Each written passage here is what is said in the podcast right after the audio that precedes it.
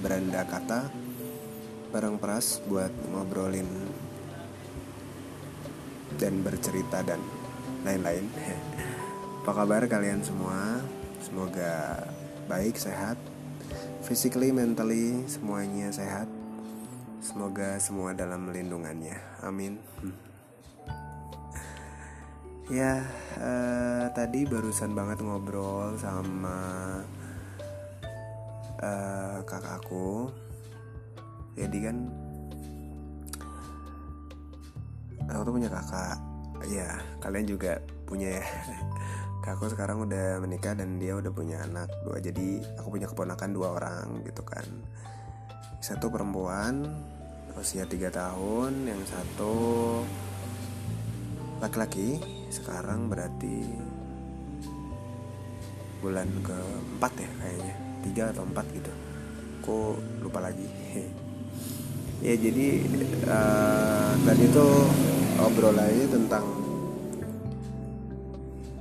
kelelahan sebagai ibu rumah tangga gitu. Ya sih. Um, kalau buat aku ya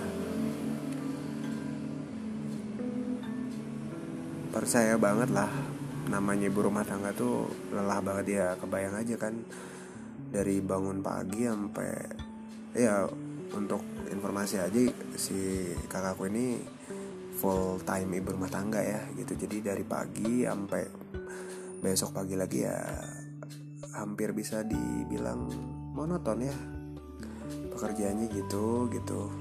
Mengulang lagi ngurusin anak ngurusin suami ngurusin ini itu gitu kan. Ya ibu rumah tangga lagi mana gitu. Dan itu melelahkan banget gitu. Jadi tadi tuh sharing lelah gitu.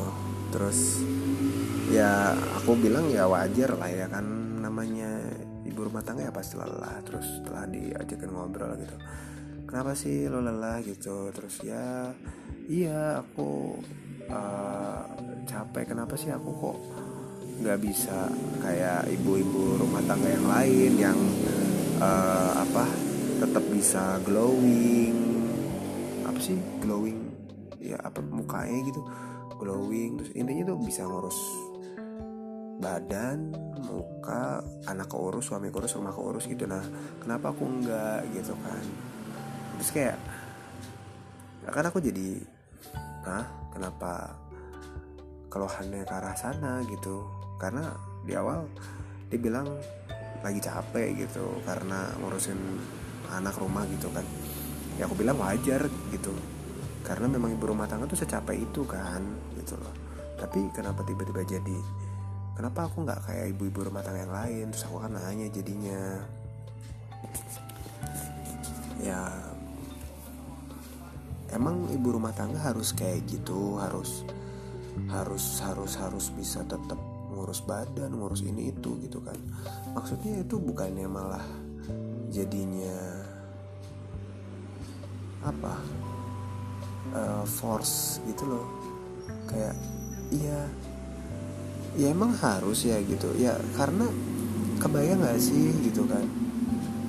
Ngurusin anak yang masih kecil-kecil tuh kan ini ya istilahnya waktu buat me time-nya itu kan sulit apalagi uh, ngurus sendiri gitu. Maksudnya nggak pakai neni nggak pakai uh, ART gitu. Semuanya ngurus sendiri ya.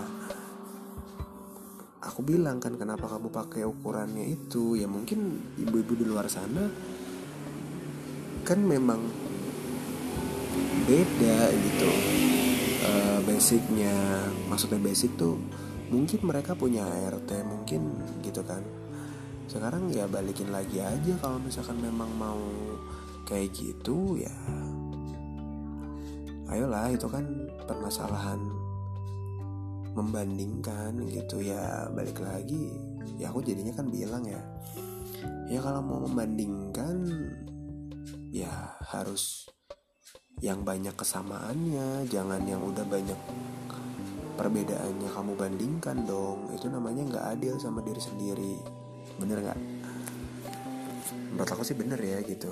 Kan ada berbahasa tentang compare tuh apple to apple gitu. Ya bener-bener apel sama apel dan kalau mau fair ya apel dari pohon yang sama gitu jangan apel dari pohon yang berbeda terus dibandingkan ya udah beda ya pasti akan ada perbedaan gitu kan. Kayak gitu ya salah satu hal yang paling pas buat membandingkan ya bandingkan diri kita saat ini dengan diri kita mungkin beberapa waktu yang lalu gitu ya tetap sama diri kita sendiri gitu. Jadi kita bisa bikin uh, idealnya tuh ya ideal menurut kita walaupun kayak misalkan ya tadi uh, si kakakku ini kan dia um, apa namanya patokannya jelas dari orang lain ya kayak yang ibu-ibu yang bisa tetap bright apa segala macam itulah ya gitu. Ya kalau bandingannya itu ya itu kan expectnya ke sana ya realistis apa enggak gitu. Kenapa harus bandingin ke sana? Kenapa enggak bikin standar sendiri yang mana standar itu masih bisa ter apa ya terakomodasi oleh norma sosialnya gitu loh. Maksudnya kan ya aku sih konsepnya konsep membandingkan sama ya maksudnya di mana mana gitu perbandingan sosial gitu. Ya katakanlah di di di pembahasan lain misalkan sama-sama lulusan dari kampus yang sama gitu kan. Terus eh kok si ini udah bisa cepat kerja sih? Kok yang ini belum sih? Gitu kan. Ya perbandingannya jangan ke sana dulu gitu loh. Tapi bandingin kamu yang sekarang sama kamu yang dulu apakah memang etos kerjanya masih sama terus kemampuannya masih sama apa enggak gitu loh jadi kalau misalkan langsung kebandingin ke orang lain ya biasanya tuh akan jatuhnya apa ya? Apa sih sebutannya tuh jadi ya udah jelas beda gitu loh. Aku lupa ada nama ada namanya kok tapi aku lupa sebutannya di psikologi. Ya gitulah ada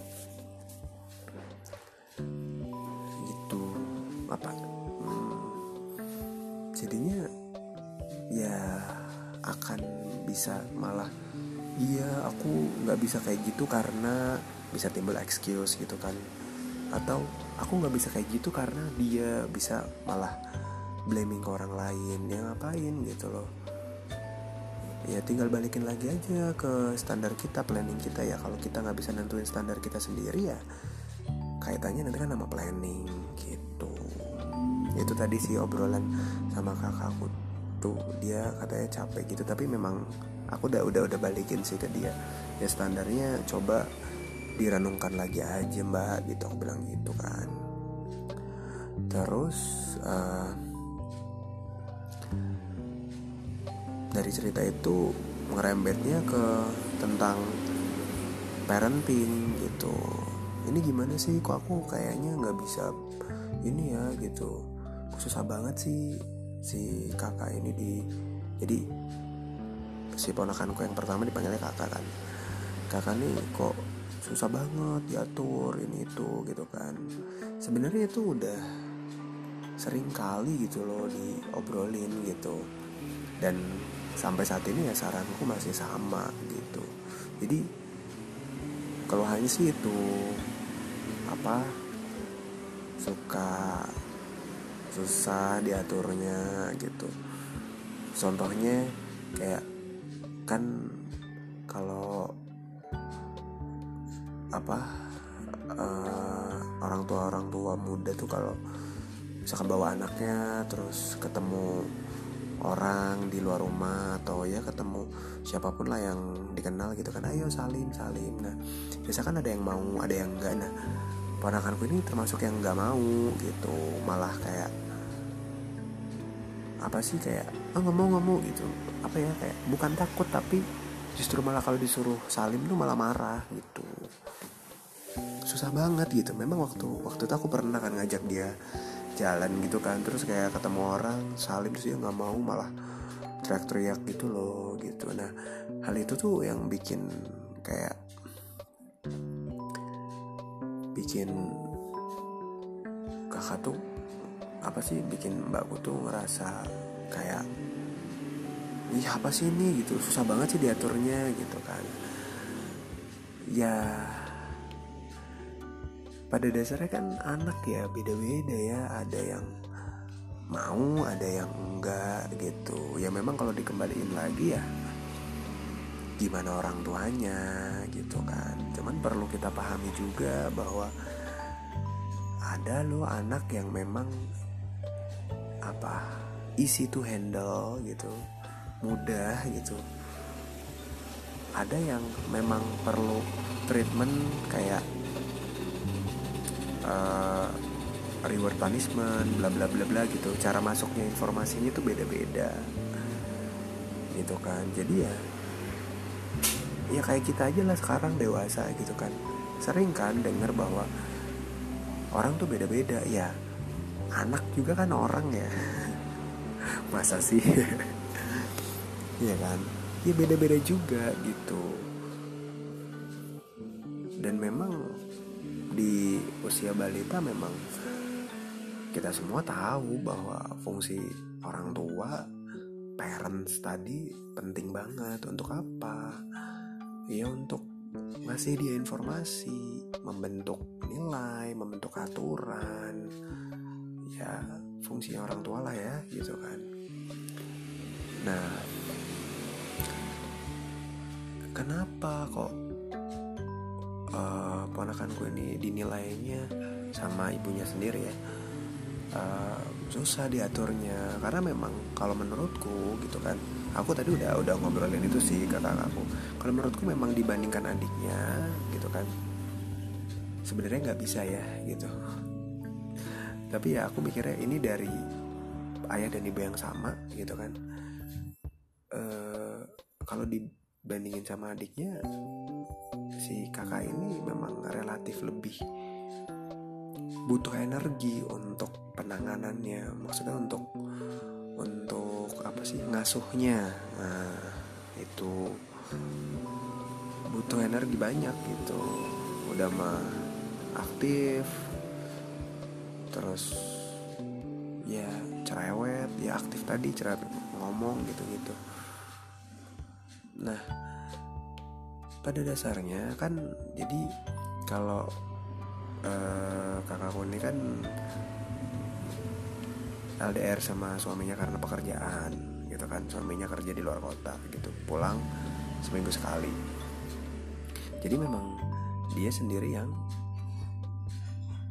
handle anak-anak ini gitu kan. Nah kalau yang aku lihat memang ada yang agak miss gitu. Missnya itu bukan gimana-gimana tapi tentang konsistensi gitu. Ya itu sih yang aku sudut pandangku untuk melihat kasusnya bukan kasusnya apa sih kejadian si kakakku ini ya aku bilang ke dia konsistensi mbak gitu. Karena memang terkadang kalau udah anak itu mulai teriak-teriak si kakak ini mulai teriak-teriak mulai nangis apa bahasanya tantrum. Itu udah kayak si mbakku ini ya udah langsung nurutin gitu. Jadi udah kebentuk di pemikiran si kakak ini bahwa ya ibuku kalau aku nangis pasti akan ngasih gitu kan. Nah itu yang aku bilang gitu kan.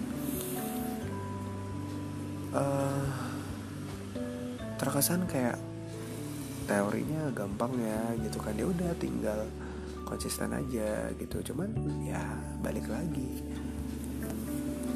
Parenting itu bukan sesuatu yang mudah bukan sesuatu yang tidak mungkin gitu. Jadi bisa dilakukan dan bukan sekedar teori gitu loh. Ya kan? Ya walaupun aku belum punya anak sendiri gitu ya. Kadang aku juga suka suka apa ya riku gitu. Nggak enak nggak enak apa ya? Karena aku ngomonginnya yang aku tahu based on di psikologi gitu yang pernah aku pelajarin gitu. Ya kan? Cuman ya begitu. Kadang aku suka lihat-lihat dulu sih.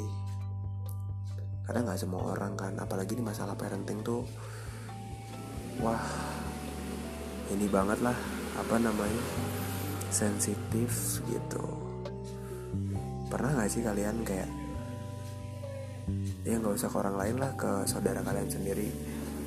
Mungkin kalian pernah baca artikel gitu kan tentang kayak parenting tuh style of parenting tuh ada apa otoritarian, otoritatif gitu kan.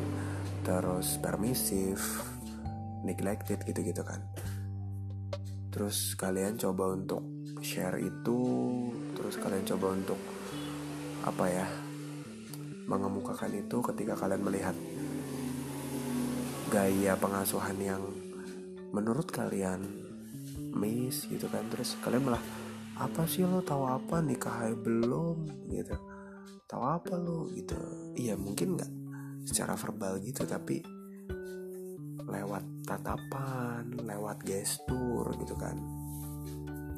Kadang ada kan makanya ya aku bilang isu parenting tuh sensitif buat ah, jadi kayak uh, sebelum ngomongin isu parenting yang tentang ini ya handle anaknya ya gitu kan.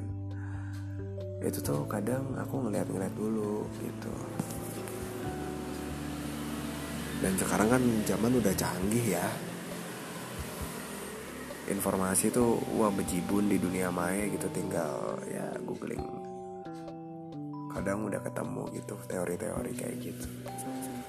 Cuman ya balik lagi ke penanganan gitu. Dan dan uh, pemakaian si teori itu kadang kan suka dipahami setengah, dipahami menurut maksudnya bukan bukan gitu mungkin cara memahaminya gitu-gitu. Ya itu tadi obrolan tentang membandingkan dan parenting gitu kan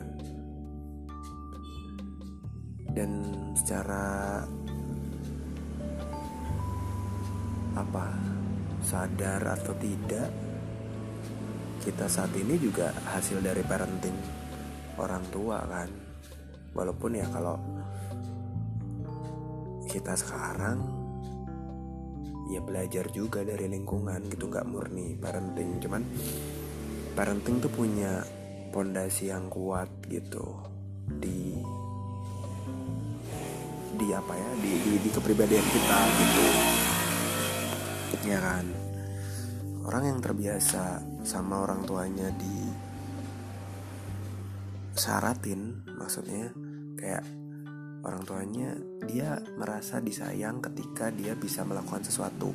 Katakanlah dia merasa disayang sama orang tuanya ketika dia bisa dapat nilai bagus. Kalau pas dapat nilai jelek orang tuanya nggak peduli. Nah, itu juga kan sebetulnya style of parenting tapi yang mana coba?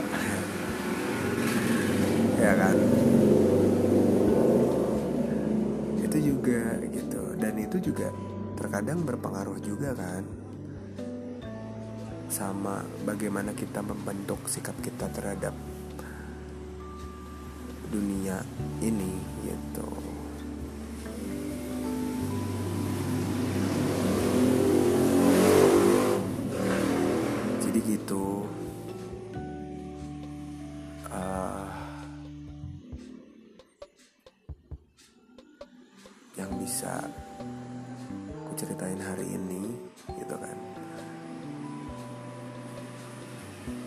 seru sih kalau ngomongin parenting dan dampaknya buat kita sekarang ini gitu. Dan kita yang ada di umur kita saat ini gitu kan yang mungkin sedang mengasuh anak ya sedang memparentingi anak yang udah jadi parents maksudnya atau yang lagi persiapan mau jadi parents gitu ya hati-hati dengan standar benar salah menjadi orang tua. Hati-hati dengan parenting juga gitu kan. Gak ada salahnya kok buat belajar gitu kan. Kalau tadi yang bisa diambil pelajaran dari kakakku ya konsisten dalam pembuatan aturan di dalam mengasuh itu sangat penting gitu kan supaya memang anak jadi memahami gitu bahwa oh aturannya begitu.